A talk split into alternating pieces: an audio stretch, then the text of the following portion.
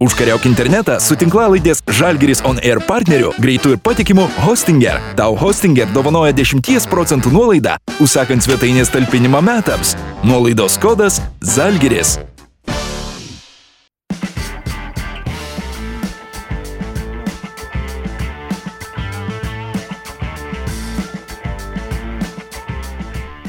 Sveiki, mėlyjei Žalgiris Oner podcast'o klausytojai. Dar vieną savaitę ir antrasis šių metų podcast'as, antroji tinklalaidė.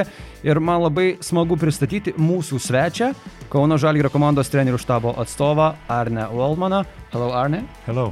And before we dive into this conversation, we're going to switch to English uh, mode and I'm going to present our sponsors for this podcast. So it's time to have a short break. And this podcast is presented by our partner, Hostinger. Did you know that a website business, three seconds matter as much as the last possession in a basketball game? If the page doesn't load in three seconds, it's a 40% chance that your visitor will leave. Not only that you lose visitors because the page is too slow, your website ranking in Google search can drastically decrease. That's why Hostinger is working hard to keep your scores high. They are considered as one of the fastest web hosting providers in the world. It, it's not only that. Hostinger gives you 10% discount if you use code Žalgiris. Just visit hostinger.lt slash Žalgiris.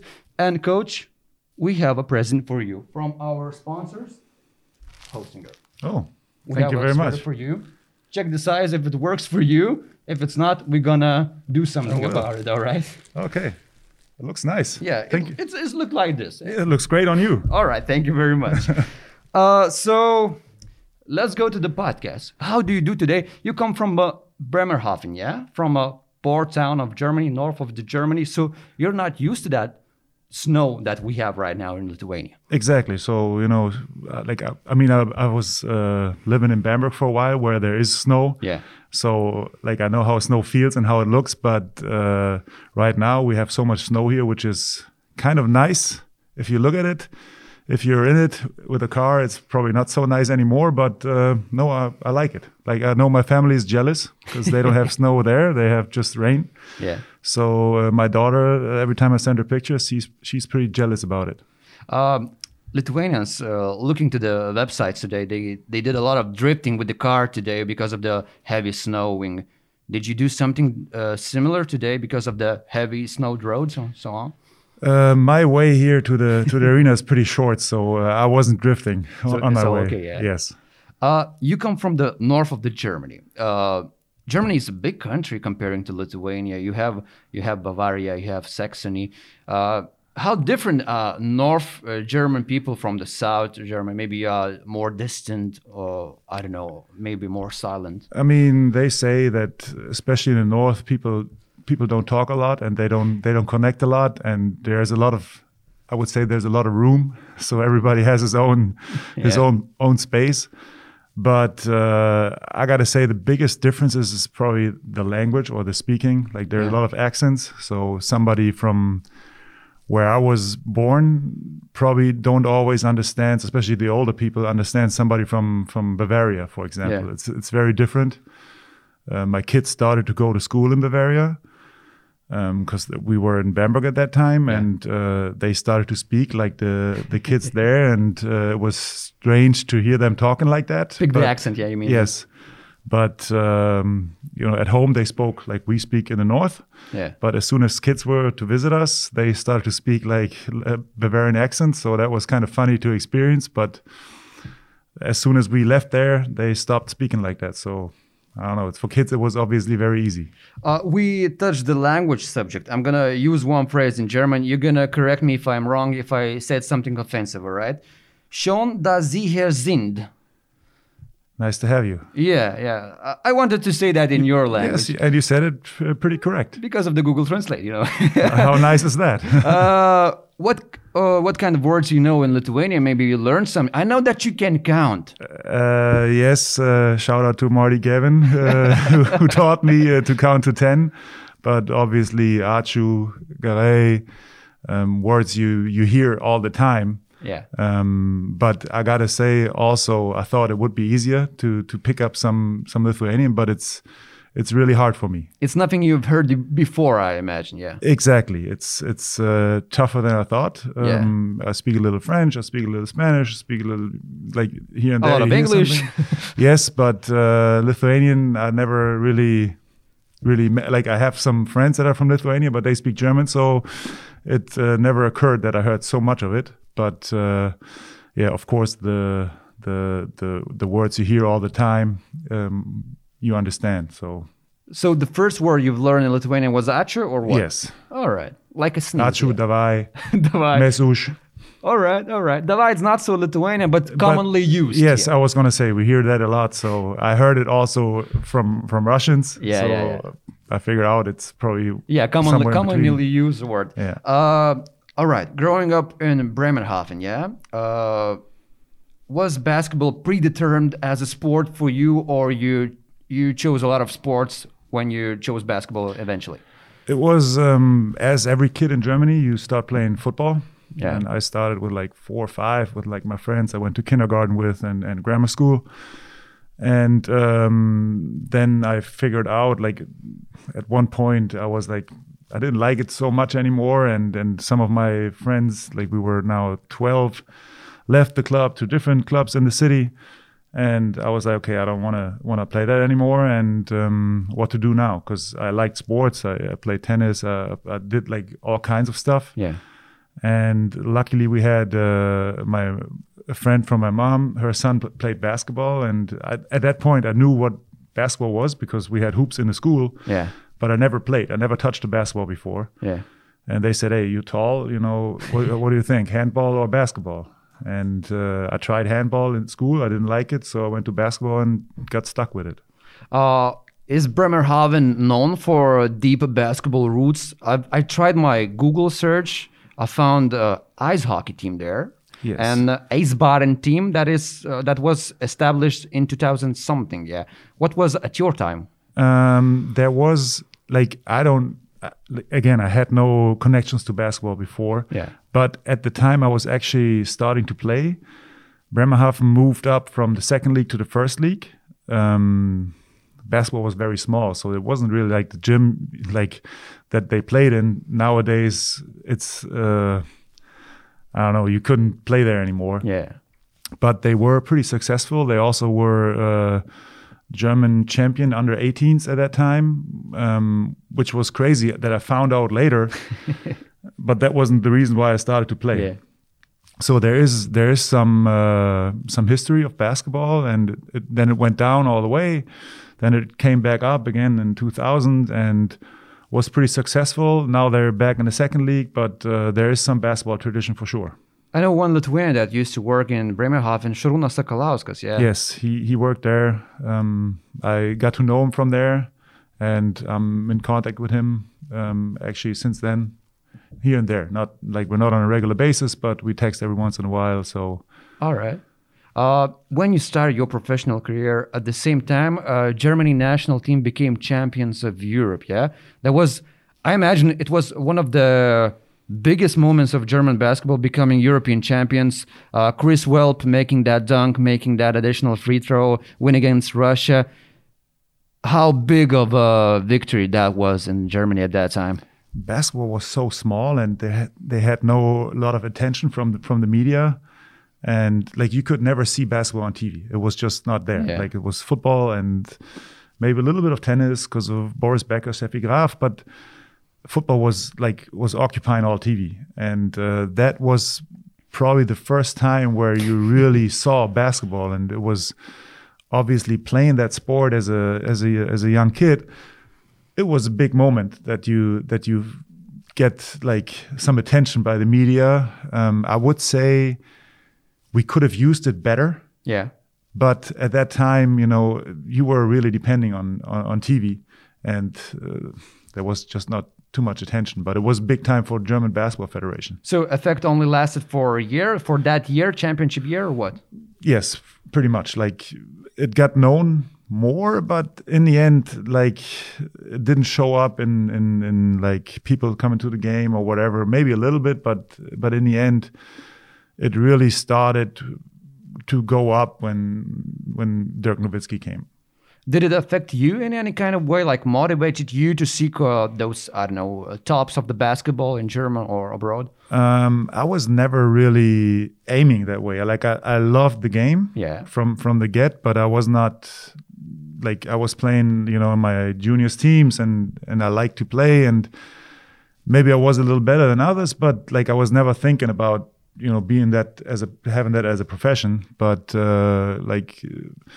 Somebody saw me playing when I obviously had a had a had a good game, and um, then they invited me, and all of a sudden I ended up playing playing second league in Oldenburg Yeah. which probably I don't know three months earlier I wouldn't even thought about it. All right. At that time, who was your basketball idol? Maybe that the same guy, Chris Welp or Uwe Blab? Or- I at that time, like it's it's it's hard to say because you just couldn't couldn't see much, but Yeah. you know you you heard of Detlef Schrempf. Uh, at that time, at least you could you know hear something about it. But I, I remember one thing, like the first basketball player that actually got my attention was Magic Johnson. All right.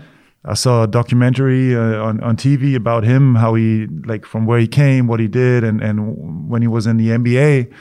So that was like the guy I was like, man, this is this is this is pretty pretty cool what he what he can do and and all that stuff. And then like slowly, German basketball got better and better, and and and again the European Championship was was big time.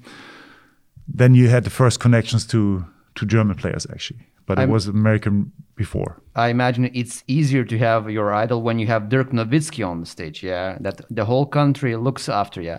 Exactly. I mean, he's like I would say Dirk is not just for basketball fans. He's like for sports fans in general. Uh, he he made himself a big name, and he's like everybody knows him. Yeah.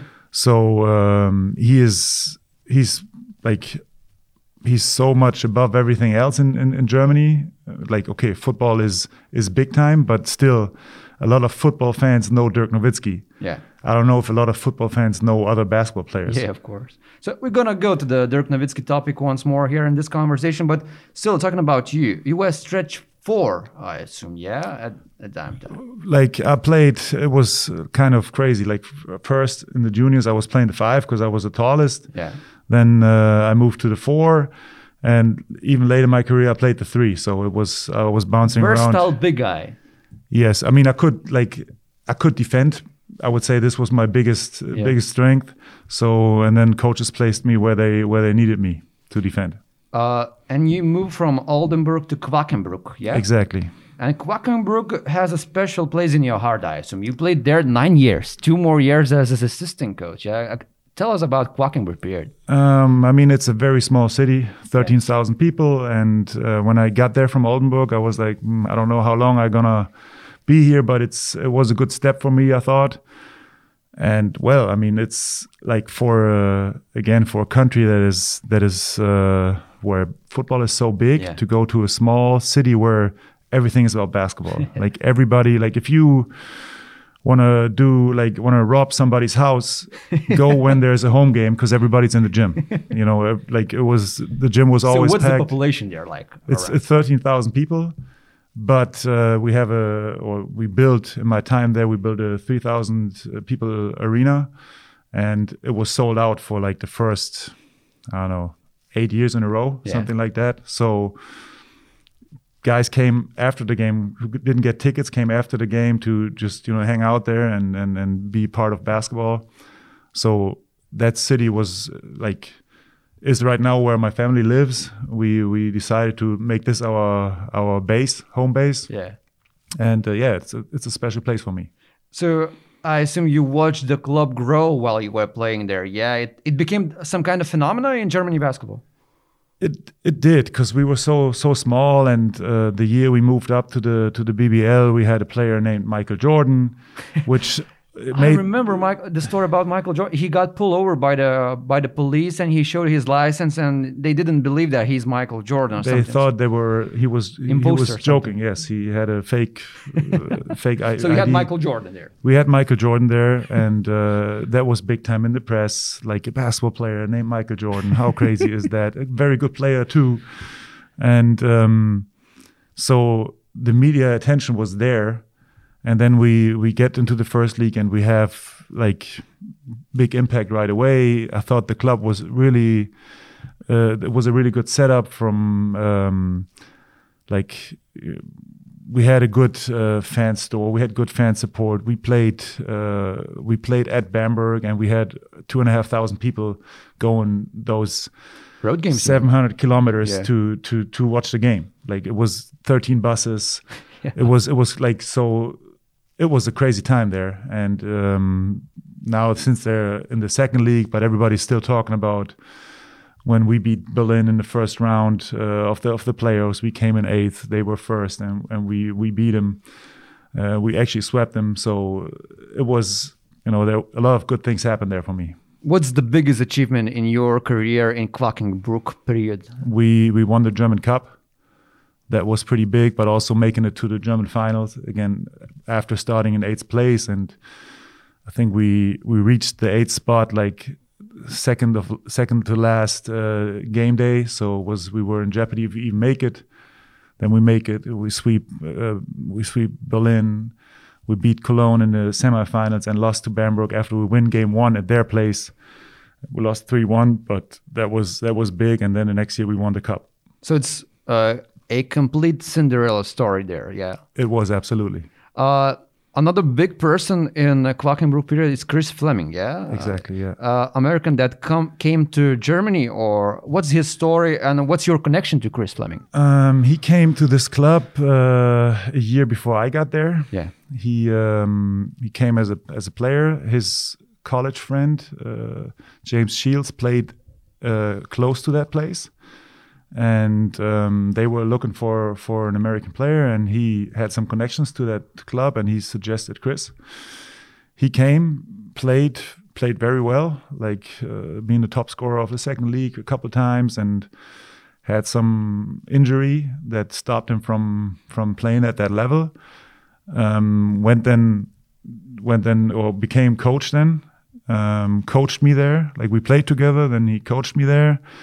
And uh, when like when I decided, okay, it's it's time to to rack my shoes, uh, he convinced me to to become his assistant coach or he convinced me into coaching. Like I didn't. That wasn't what I wanted to be. I wanted to to be more on the management side. Yeah, right. And uh, he was like, "No, I think you can. You should do that. You should try it." And at that time, they uh, brought out the new uh, under 19s Bundesliga, and the club wanted to join. So he said, "Hey, why don't you do head coach there and and be assistant coach with the pros?" And so I gave it a try, and uh, I got stuck with it. Uh, correct me if I'm wrong, but you finished your career uh, being 32 at the time. Yeah. Yes. Why so early? Um, first of all, at that time, they, the rules changed. Um, there was no foreigner rule anymore. So uh, we had in my last season, we had we were two Germans on the team, Yeah. and um, I felt like okay to to invest that much, like every summer working, working, working, and then to play a very small role. I was like, I don't know if I keep want to doing that. I didn't know like you know they could they could go for for 12 uh, foreigners and you Yeah. know so I was like I was a little say fed up with like investing investing and then not not playing so much anymore and also having the chance like they offered me okay you know this is what you could do for the club and I was like okay should I play I, I mean I still love the game Yeah. but should I should I play t- one two more years and then uh, maybe don't have the chance of of doing something afterwards? So I decided to to let it go. Was it hard to kill that inner player? Absolutely, like I, uh, it was not not a decision. Like when they offered me the the new position, it took me a long time to actually, you know, get the right thoughts, get the right idea. In the end, everything went out being the right decision. But if you if you if you live that life or or were in that profession, it's really hard to let go. So together with Chris Fleming, you went for two more years in Quakenbrück and uh, six more years in Bamberg, if I'm right. Yeah. Yes. Uh, did Chris Fleming uh, teach you some kind of American approach to basketball because he comes from America, or he was too European at that time? I would say uh, Chris is uh, one of the most European Americans I know. like he was really took a lot of stuff, adapted quick. When he came to Quakenbrück, for example, he was like almost nobody speak English, so he speaks very good German, and he learned that in, in a short time because nobody spoke English with him. Yeah. So uh, and he adapted just to European lifestyle and and um, how how Germans do certain things. So I would say he's he's a pretty European American. How special was the Bamberg period? Because uh, for the first time in your coach career, you experienced EuroLeague. Yeah. So how was it?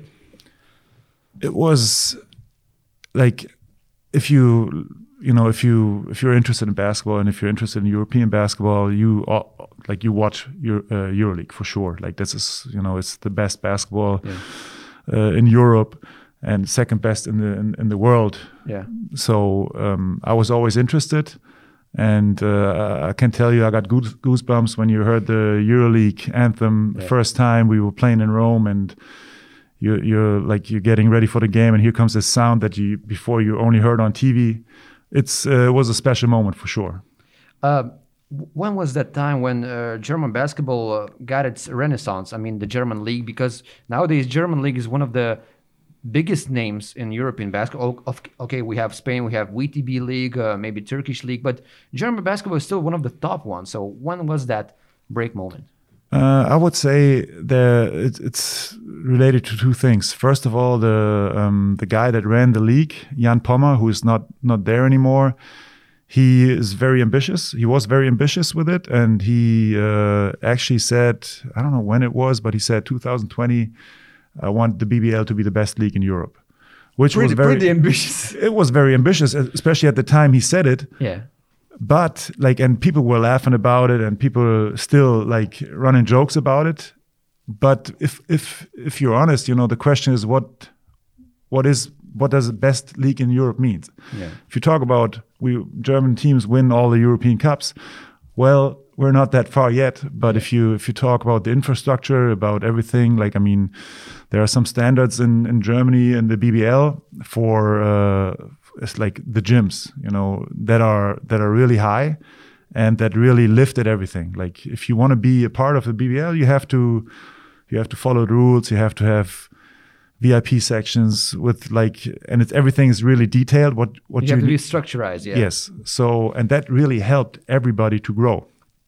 And the second thing that really helped was, uh, again, I, I, I said already when I when I started coaching, I did the under 19s, and um, to bring in this league, under 19s Bundesliga, was a was big time for Germany because all of a sudden, German teams needed to have German players. That changed back to there's no rules.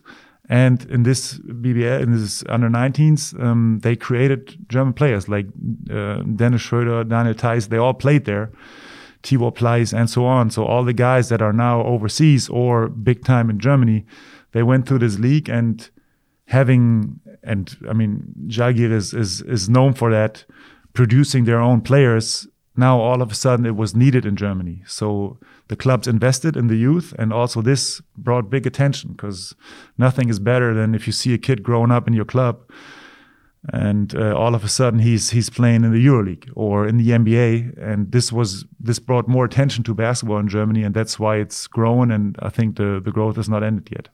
But it's a best approach if you reach for the highest goals and you don't end up on the top, you end up somewhere close to it, yeah, like second or third place, and it's also good. it for sure it gives you still room for like to aim for and it's um again when everybody was laughing about it i was like you never know i mean you always got to see what in what context he said it but definitely in in some contexts i think the bbl is not far away from from being being all the way up top Talking about the tops, uh, what was your reaction when Chris Fleming offered you to become uh, assistant coach at the German national team?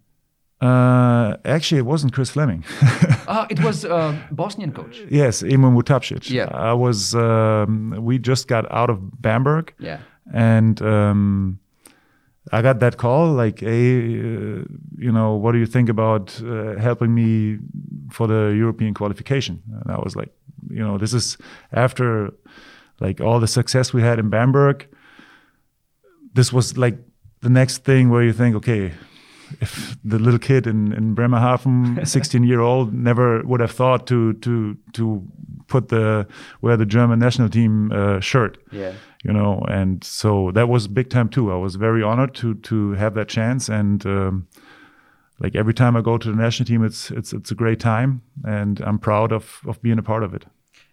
So Eurobasket 2015 comes. Uh, you have Dirk Nowitzki on the team. You have Dennis Schroeder on the team, young fella who's about to become a huge thing in the NBA. What was the feeling working with the with this kind of talent on the team? Uh, having having talked to Dirk Nowitzki, I imagine, and being in the workouts with him, what was the feeling? Um, I- in in the 2015 European Championships, I was only in the beginning of the of the preparation because Yeah. I I was head coach at that time in Cologne, and Yeah. I couldn't couldn't go because the the European Championships went too long, and I would have missed so much of my preseason. And Yeah. it was my first year there, so I didn't want to want to miss it, of course. So I just did the beginning, but um, I mean, all you can say like uh, or what people say about Dirk it's all true. Like he's he's he's working like the way he works and the like how professional he is is just crazy. And I got to say you see him moving the first time at that age you be like mm, I don't know if he's uh, going to be able to to get Yeah. through all that. But uh, like his his uh, yeah his his mind just gets him there. And and uh, again like after after the European Championships he still played for a while and you you were surprised how good he played even after that so like it's it's really fun to see him work to work with him um, he's not that that uh, typical superstar that Yeah. you that you know and read about from the NBA. He's he's a very good person at, at first.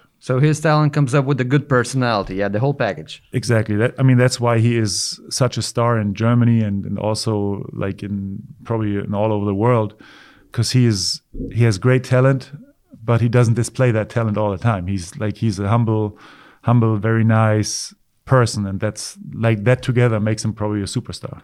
Uh, I think at that time when uh, Germany played against Spain, you you had to be in Cologne, yeah, preparing Yes. with the team, yeah. Yeah. How painful was to see that the end of Dirk Nowitzki era to finish in that dramatic, that sad way, like the loss by one point, having a chance to tie the game, the free throws, and so on. uh, obviously you don't, you don't want to see a great career in the national team end like that. And you saw how it was eating on Dirk, and how it was. I mean the the attention that uh, that you wanted for basketball was finally was the biggest probably at that time, and um, you have all these these prospects that have a very high ceiling, and and Dirk then as the guy that is the the biggest thing in, in German basketball. They all come together, and and the media attention was big. And and now you see this final loss of his national team career. It was tough, and his reactions afterwards were were crazy emotional. But um, you know that's part of sports, and that's why why everybody loves sports all over the world because you have not just these high moments, you also have to suffer these these low moments in your career, and it's it's great for him that he had a bunch of high moments afterwards coming in the NBA with the Dallas Mavericks, but obviously seeing that on TV and and and knowing the guys, all the guys that were involved in it, it it was you know it was a tough moment. How do you see now the future of German national team? Because uh, you have a lot of talent, a huge load of talent. I mean, I'm talking not about only Dennis Schroeder, Tibor Pleiss, or Daniel Theis, or other players that play in the highest level. It seems that the future is so bright, but you have to put together that talent. Uh, yeah. So, what's in your opinion the future of that? I mean, as you said it, there's there's there's a lot of good players, and um, it's always tough with the new calendar with the FIBA breaks to get everything together. Same problems with the with Yeah. the with every national team. Losing to Denmark, for example. uh, Yeah, you know, there's like nobody likes it, but Yeah. it's, it's a reality right now. If Yeah. you don't have your best players and the small countries just getting better, and it's a chance for them. Like the new the new calendar is, is definitely a chance. If you see who participated in, in, in the world championships and, and in the like you know it's it's there's some teams make it that you would have never expect 10 years ago Yeah.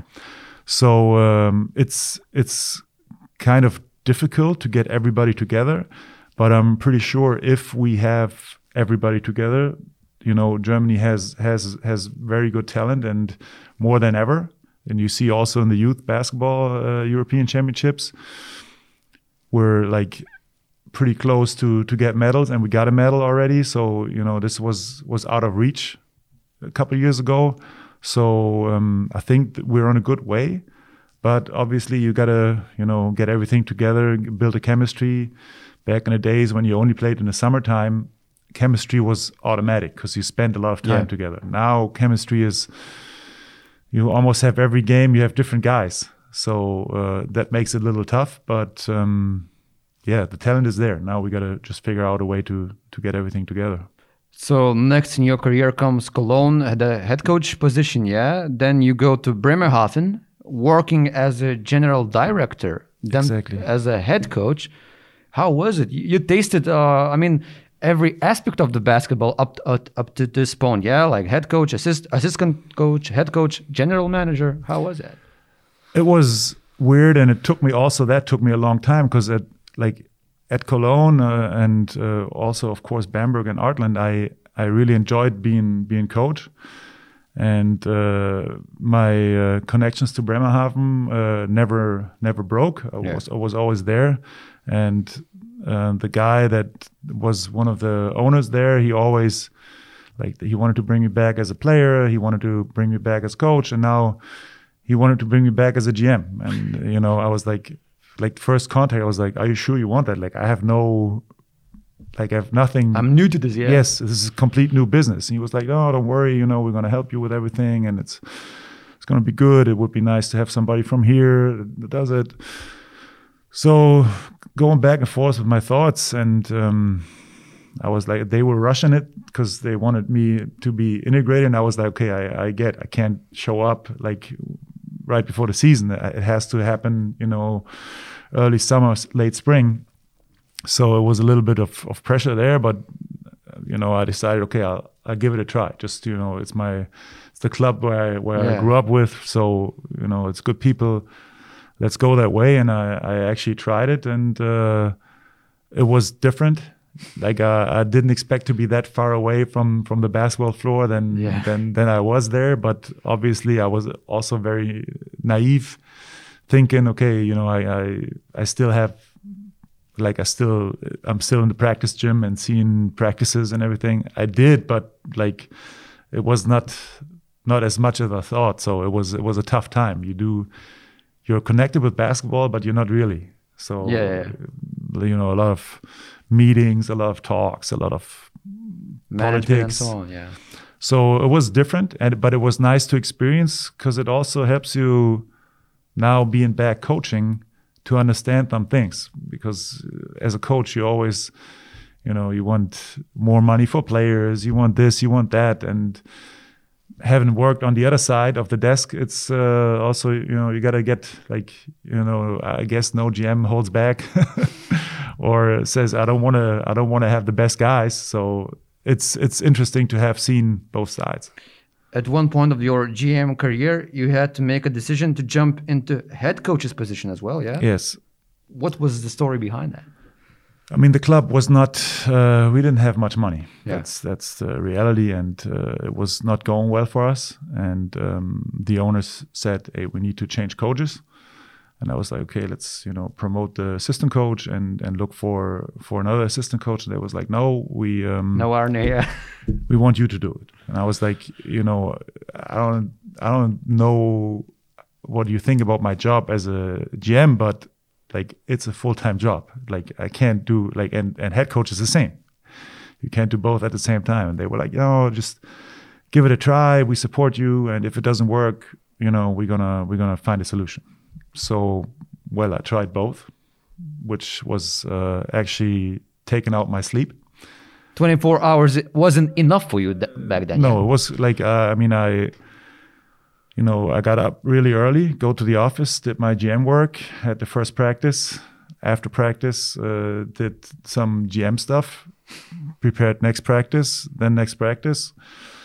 Uh, after that, being in the office till like I don't know one, two o'clock in the morning. Went home, took a little nap, and here we go again. And after like two weeks, I was I was a ghost, and um, also the results on both ends were not Yeah.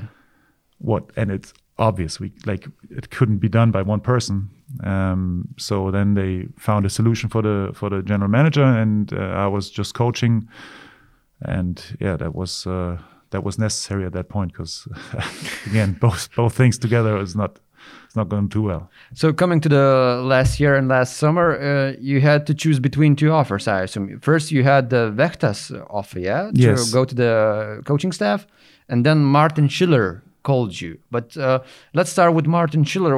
When when was that first connection with Martin uh, in your career? Um, I mean, we he was working in Artland uh, after I left. Like a Yeah. couple of years later, he was in the coaching staff with Stefan Koch.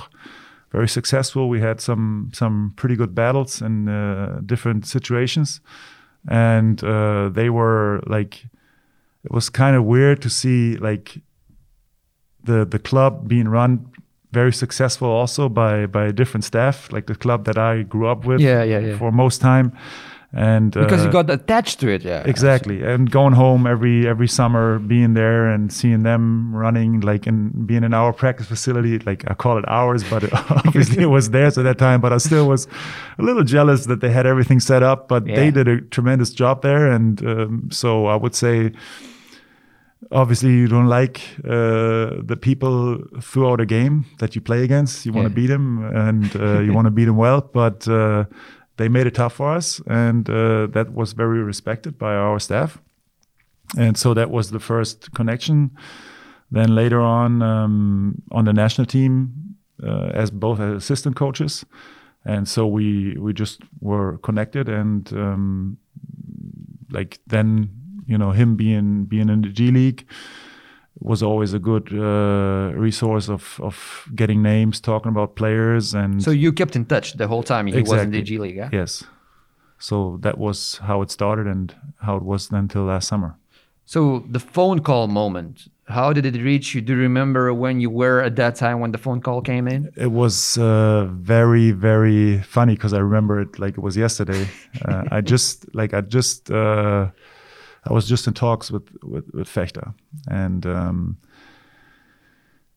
I'm uh, I'm working out, and I I see the message that uh, Martin got the job here, and I, I and I sent him a text, and you know, congratulations, great job, you know, what a what a what a great thing, EuroLeague, Žalgiris historic club, you know, everything's fine, and so that's it. And then you know, a couple of days later, I see I, I got a call from him, but uh, I missed it. And because in Utah, you know, the, the time difference was so Yeah. like it was always tough to talk. You know, it was more like texting.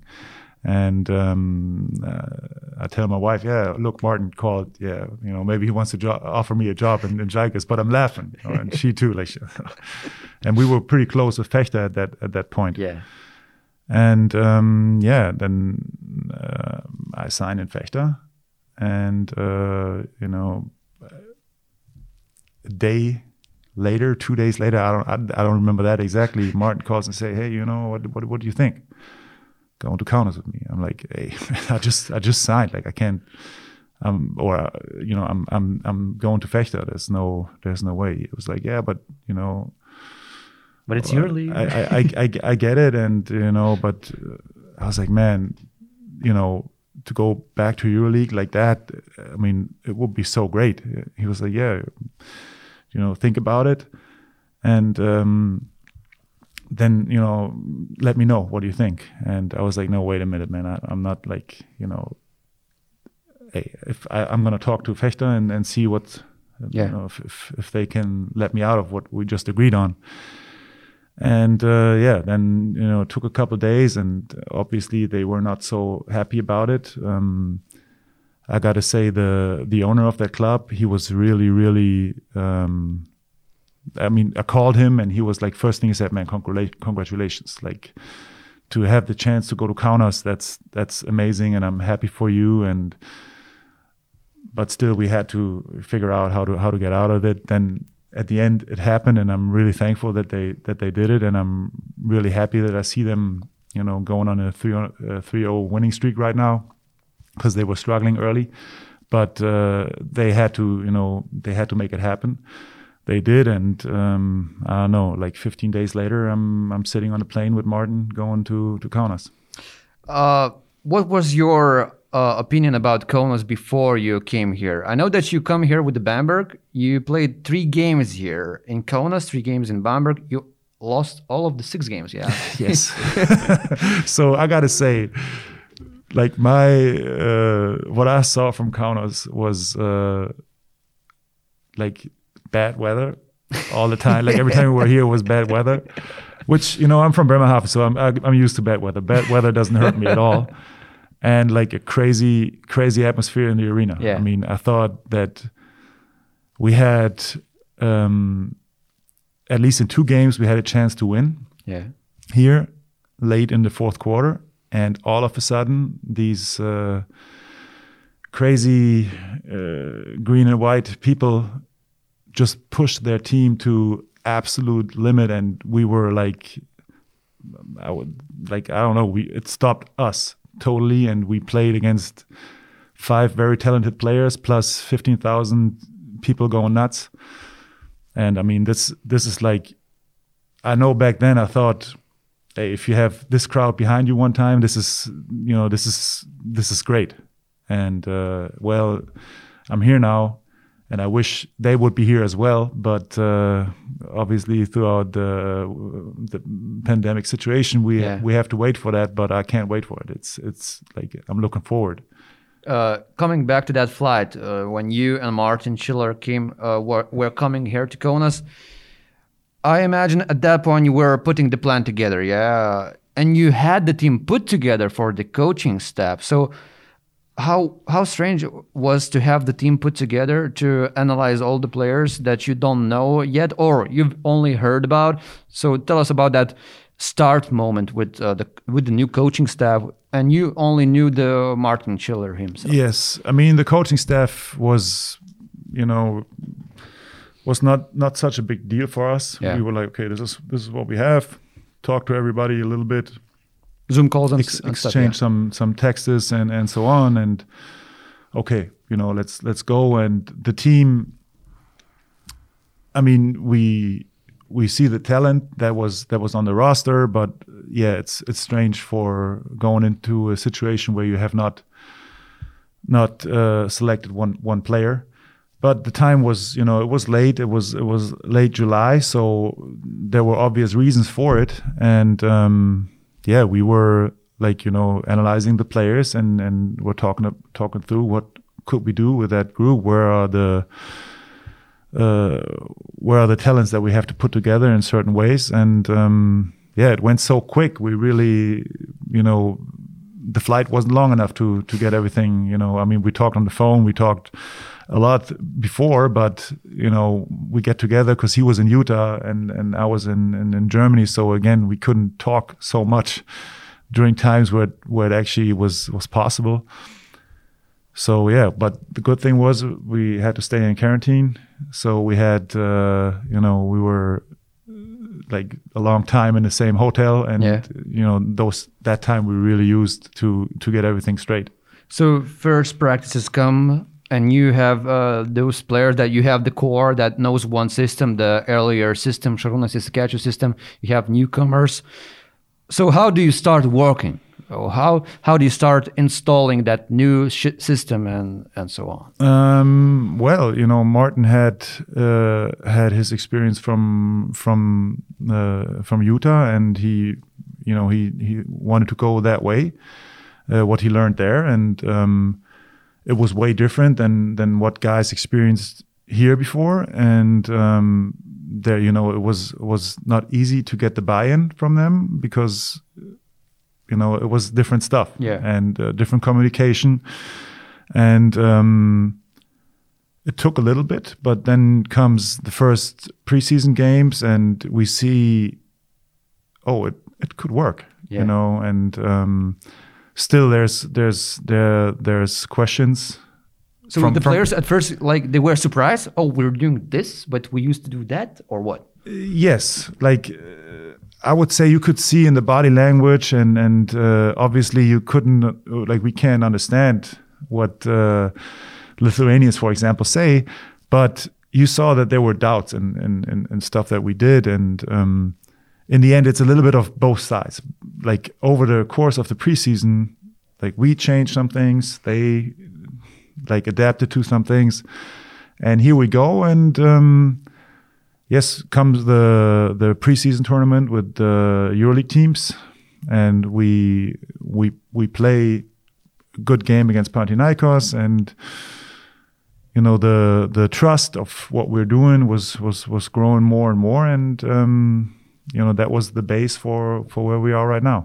Uh, how did it help that you guys had this uh, four in a row series at the start of the season? Of course, it it had to raise some uh, confidence in the coaching staff and in the team, of course. So both parties, yeah. For sure. I mean, this is you know like winning helps helps a lot, like Yeah. in, in every aspect. And if you if you if you if you have doubts at one point, but you you win, you know the the the trust is just getting bigger, and and that's like brought us on a on a on a good way.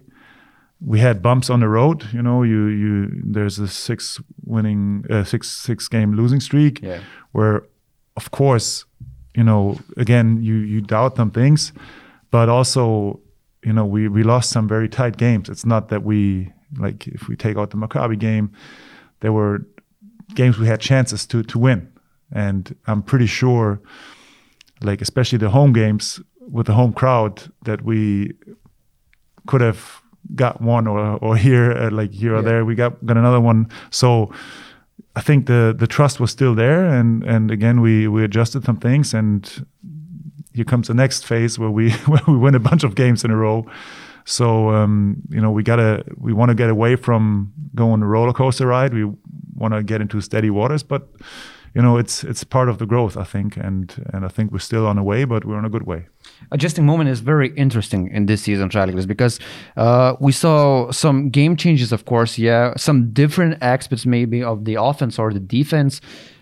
How do you do that adjusting thing? Uh, so there's a there's a loss, so the whole coaching staff sits together and you brainstorm ideas that this is not it's not working. We have to change it, and then you're adapting in the practices. How does it work in the practice? Um, I mean, you got to say you have very limited practices. Yeah, you yeah, know, because of the tight schedule. We play so many games, and and there's like, you know, there's a lot of things we have to learn on the fly, or in a walkthrough, or on video, which is like Martin has has the experience from doing that from from his G leagues years, where they also have a tight schedule and you know you have to pick up a lot of stuff in a in, in a short time. And i gotta say this team has great talent in doing that. And every time we adjusted we were really capable of doing that. And it showed like right away. And of course sometimes you you don't make the right adjustments. Sometimes you like what you adjust fits right away. So it's it's always a little bit of uh, room to to uh, change things. And um, yeah it's you know the team did a great job with all the adjustments we we've made so far. And um, at one point you gotta say okay this like this is now what this is our standard and we this is what we ask from everybody uh, every day every game and um, we're we're at a point right now where we will still adjust but I think in the fundamentals we are we are set with what we're doing So, uh, coach, you're working with the big big guys here on the team. Yeah, you have uh, the veteran in Paulius Jankunas, you have Jojo, Augustine Rubit, you have Marty Geben, uh, Marek Blaževič, the young guy. At the beginning of the season, I remember there were talks that uh, uh, big line they have maybe a lot of muscle, but not too versatile. But we saw Jojo running the fast break, uh, Augustine spreading the floor. What can you say about this season, Žalgiris big line? Is it versatile enough to compete in the EuroLeague? What's your opinion? I mean, well, you can you can judge that as well. You know, I think we um, we found ways to put put guys in position where they could function, and um, we have guys playing playing between two positions, which is which is good and gets us more versatility. and um, guys also coming from situations where they were not uh, so involved as as they are right now. Jojo, for example, um, coming from a very small role from Fenerbahce, Yeah. um, coming to here, playing a bigger role, and you see how his confidence is growing and and what he can do. He's he's a very talented player, and um, you know he's he puts it on the floor, and um, it's it's our job to put him in position where it, where it functions. Uh, what about Yankees? Uh, Yankees uh, had this amazing stretch of games when you guys were winning game by game, and Yankees was uh, scoring double digits in efficiency. How big of a person he is on the court and off the court as well, and your perspective? I mean, he's he's he's a role model in, in a lot of things. Like he takes care of he takes care of the team. He takes care of himself. He takes care of his family. Like he's he's he's uh, playing in like everywhere, on court, off court. He's playing a big role, and um, he knows how to play the game. Like there's he's also one one guy where it's it doesn't need much to to like when when you tell him something to to actually do the things that you ask him to do, and um, he's always going as hard as he can, and um, you know that's that's that's big time because he goes he's like one of the guys that is not shy of saying stuff that is on his on his mind, and um, so he's he's one of the big leaders on and off the court. Who's that guy that calls you the most to work individually, maybe? Because we talked with Tautvydas Sabonis, and he said that his guy is Nigel Hayes. He always Nigel always bugging Tautvydas to work, work, work. Do you have this kind of your player to work with the most? I mean, Nigel is definitely he's uh, like in the gym all the time. Yeah. But uh, also Jojo is, uh, you know, he's he, sometimes you have to just stop him because he's, you know, he, he will be tired with all the games we have. But he, there's not one practice where he doesn't stay longer and, and wants to do some stuff and wants to do new stuff or work on on, on his basics. So he he wants to wants to work a lot, but all the others, I, ca- I can't say that we have anybody lazy. Like gym is always busy. Like sometimes we're we're fighting for baskets because it's not you know in the practice facility we have we have three hoops to use and you know first in gets the basket. So guys come pretty early. Yeah. Uh, talking about the the rest of the season, what's what's in front of Žalgiris? Where would you like to see the? Uh, I mean, you and the coaching staff to see the team improving for the rest of the season.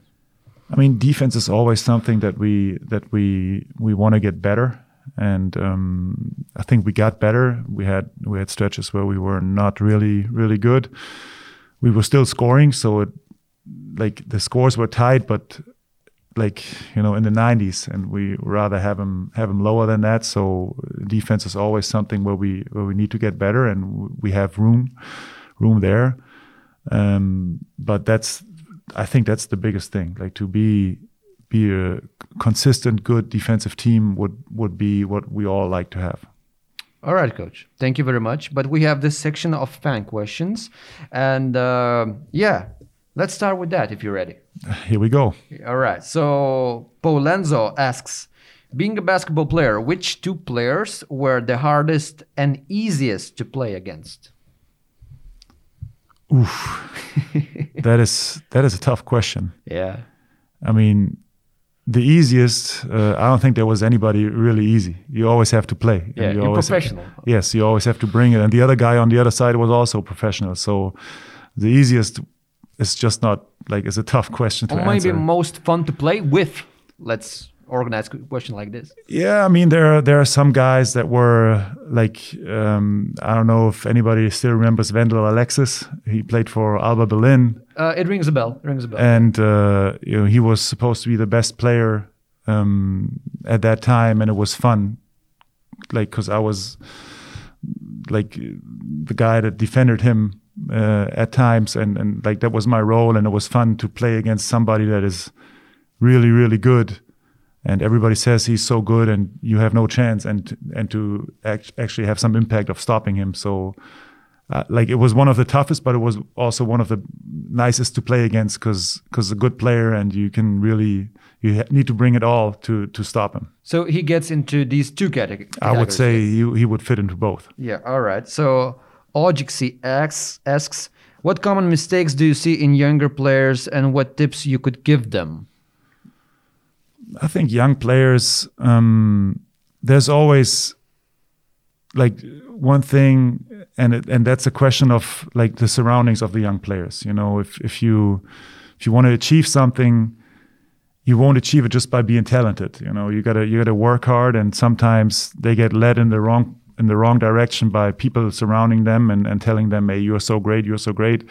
But they got to make their experience, and they got to work, and and and that's the biggest thing. Like if you if you stop working and you're relying on your talent, you probably don't don't don't reach where you where you want to get. And on the other side, if you're not that talented, and maybe early in your in your youth, uh, there are players that are better than you. You know, like the the easiest way to get past them is outwork them. Uh, Rimavichus Noyus asks, it's a classical question for our our people here on the podcast. What person would you choose from the team to go to the remote island together?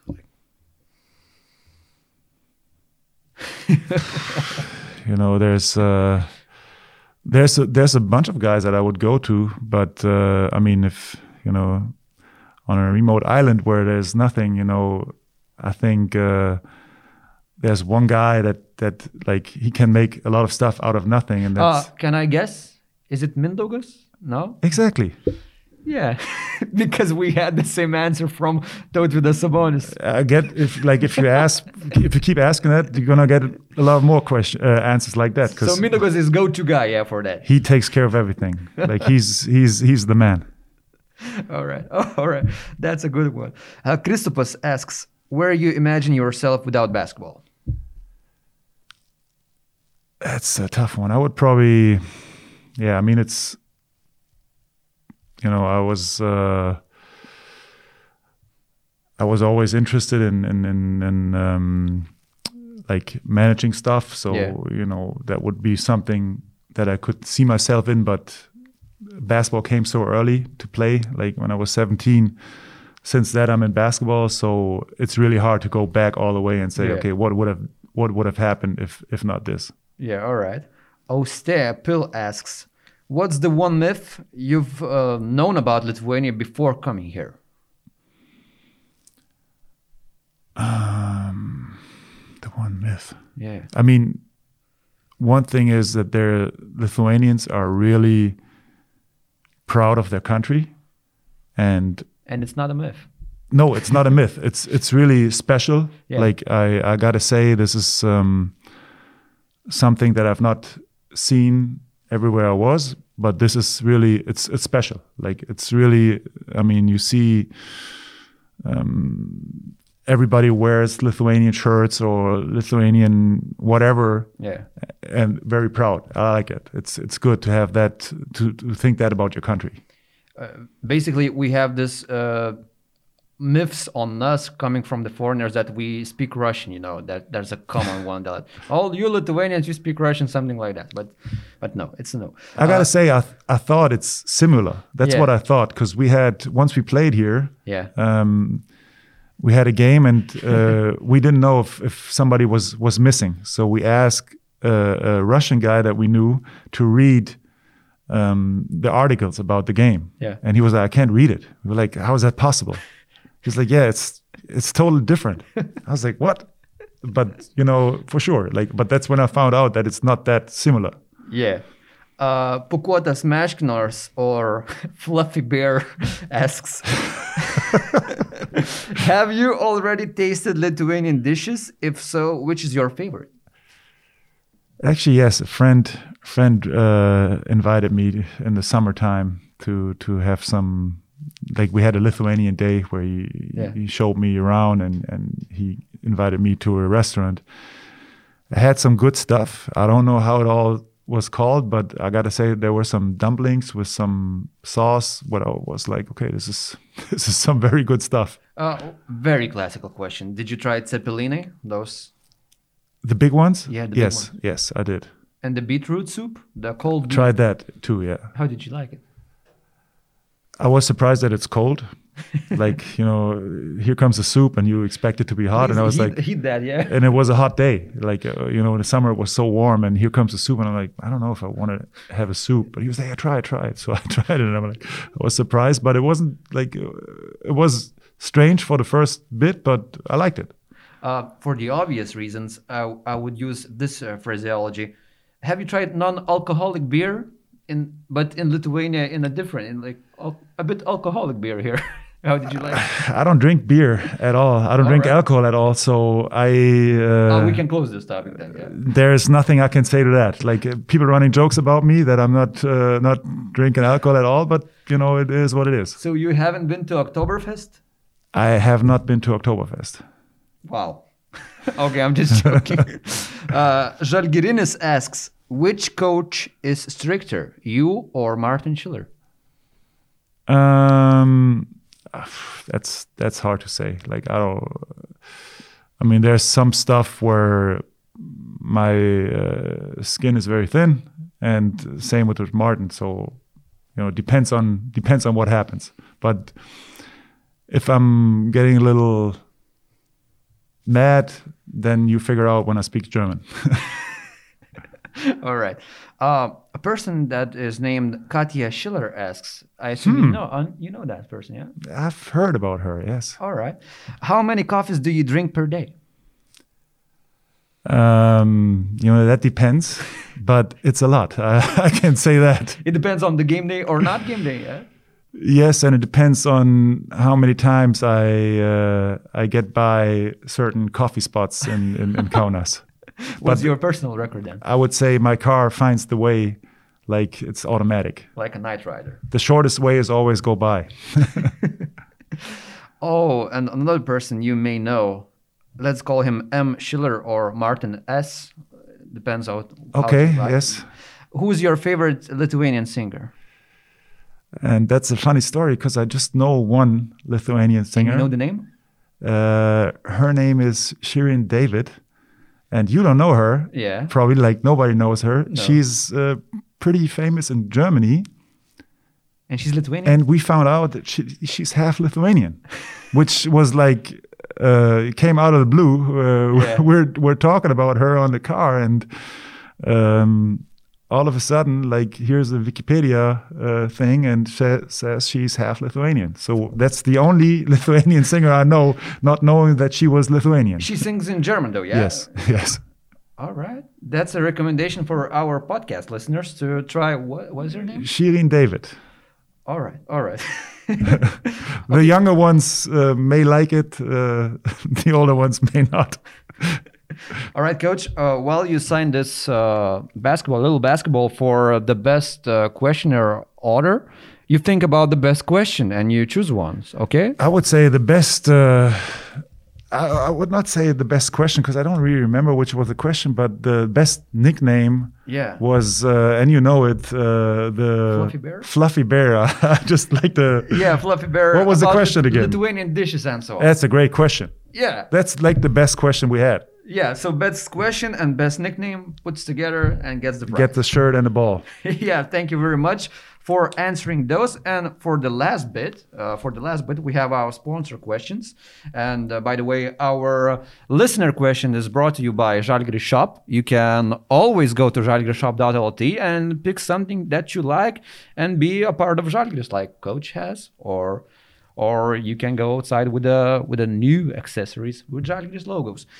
All right, our partners for this podcast is Husqvarna. You may heard about Yes. that name, yeah. Uh, do you have additional motivation playing against Rytas team? Because Žalgiris Rytas is a big rivalry here in Lithuania. I mean, we figured that out uh, when we played at at uh, Vilnius uh, early in the season. Yeah. um, and we know from the past like it's that like you hear outside of lithuania as well that this is a big rivalry so um, when we prepared for the first game it was definitely different than preparing for other teams in lithuania Yeah. not from our side so much because it's our it was our first experience with that rivalry but uh, as we got there and it was still with fans we understood why it why it was that way Yeah. so um, it's it's definitely a special game, and being without fans takes it out a little bit. Yeah. But we see the guys and and and the faces going into a Rytas game, so it's it's very special. Uh, do you have something in Germany like this, like the big rivalry? What's we, we we do have like it's mostly um, teams that are very close together. Yeah. You know, although you got to say now it's Berlin and, and Munich, but the big rivalries are the ones where fans really like where massive fans from both sides can be there. What about Quakenbrück case? Do you have? Quakenbrück, it was always Vechta, which is Oh. it's it's 20 kilometers, and it's like the one gym is 3,000 people, the other one is 3,000 people. So that was in the past a big big thing. yeah. Oldenburg, Quakenbrück is is a big thing because it's 70 kilometers. So there's there's some derbies, but mostly they are just very close together, and both teams uh, or both fan sides think they're the better ones, and they want to fight. Another question from our sponsor, Husqvarna. How do you like uh, young guy, uh, Marek Blaževič's potential, and uh, what makes him special out of other talent uh, on the team or talents of Lithuania? Um, Marek is, you know, he's a very young guy. That's first, and uh, with his age, especially playing a, a, the big position, usually those guys, um, you know, they are a little like later in their development, and I would say he is, from his character and from his understanding, he's like he doesn't act like a 19 year old. He's he's like matured already and he is um, he's he's working hard and you know his time will definitely come it's uh, it's but it's a it's a process it won't won't happen that quick um, but he's he's made a good way and um, you know we're we're really not happy that he's missing right now due to due to COVID. But um, I mean, he made big steps, and if he making he keep, keeps making those steps, you know, we will see a lot of stuff from him. And the last question uh, from Husqvarna. Do you have your own yard or, I don't know, land in where you live in Quakenbrück? Yeah, like you said, your family's headquarters, Quakenbrück. And if so, what kind of, um, I don't know, lawnmowers you use, something like that? Do you have this? Uh, I maybe don't- Husqvarna? Something? I uh, I don't, but you know, if they uh, want to let me try one, you know, I can give my address, and uh, here we go. Like, uh, I mean, right now, my my my son does uh, uh, the grass, but uh, he would not uh, he would not be sorry if he gets an upgrade. All right, all right. So this is a message for our sponsors. You can promote your material through Arne Woltmann. Exactly, and then uh, on the next podcast, I'll be uh, I'll be judging how it was, but I assume it's going to be great stuff. Uh, Arne, thank you very much for being here on our podcast. It was a wonderful talk to talk to you. And uh, from behalf of Žalgiris TV and our fans, we wish you and the team good luck in the future games. Thank you. Thank you very much. Thanks for having me. Užkariauk internetą su tinklalaidės Žalgiris On Air partneriu greitų ir patikimų Hostinger. Tau Hostinger dovanoja 10 procentų nuolaidą, užsakant svetainės talpinimą metams. Nuolaidos kodas Žalgiris.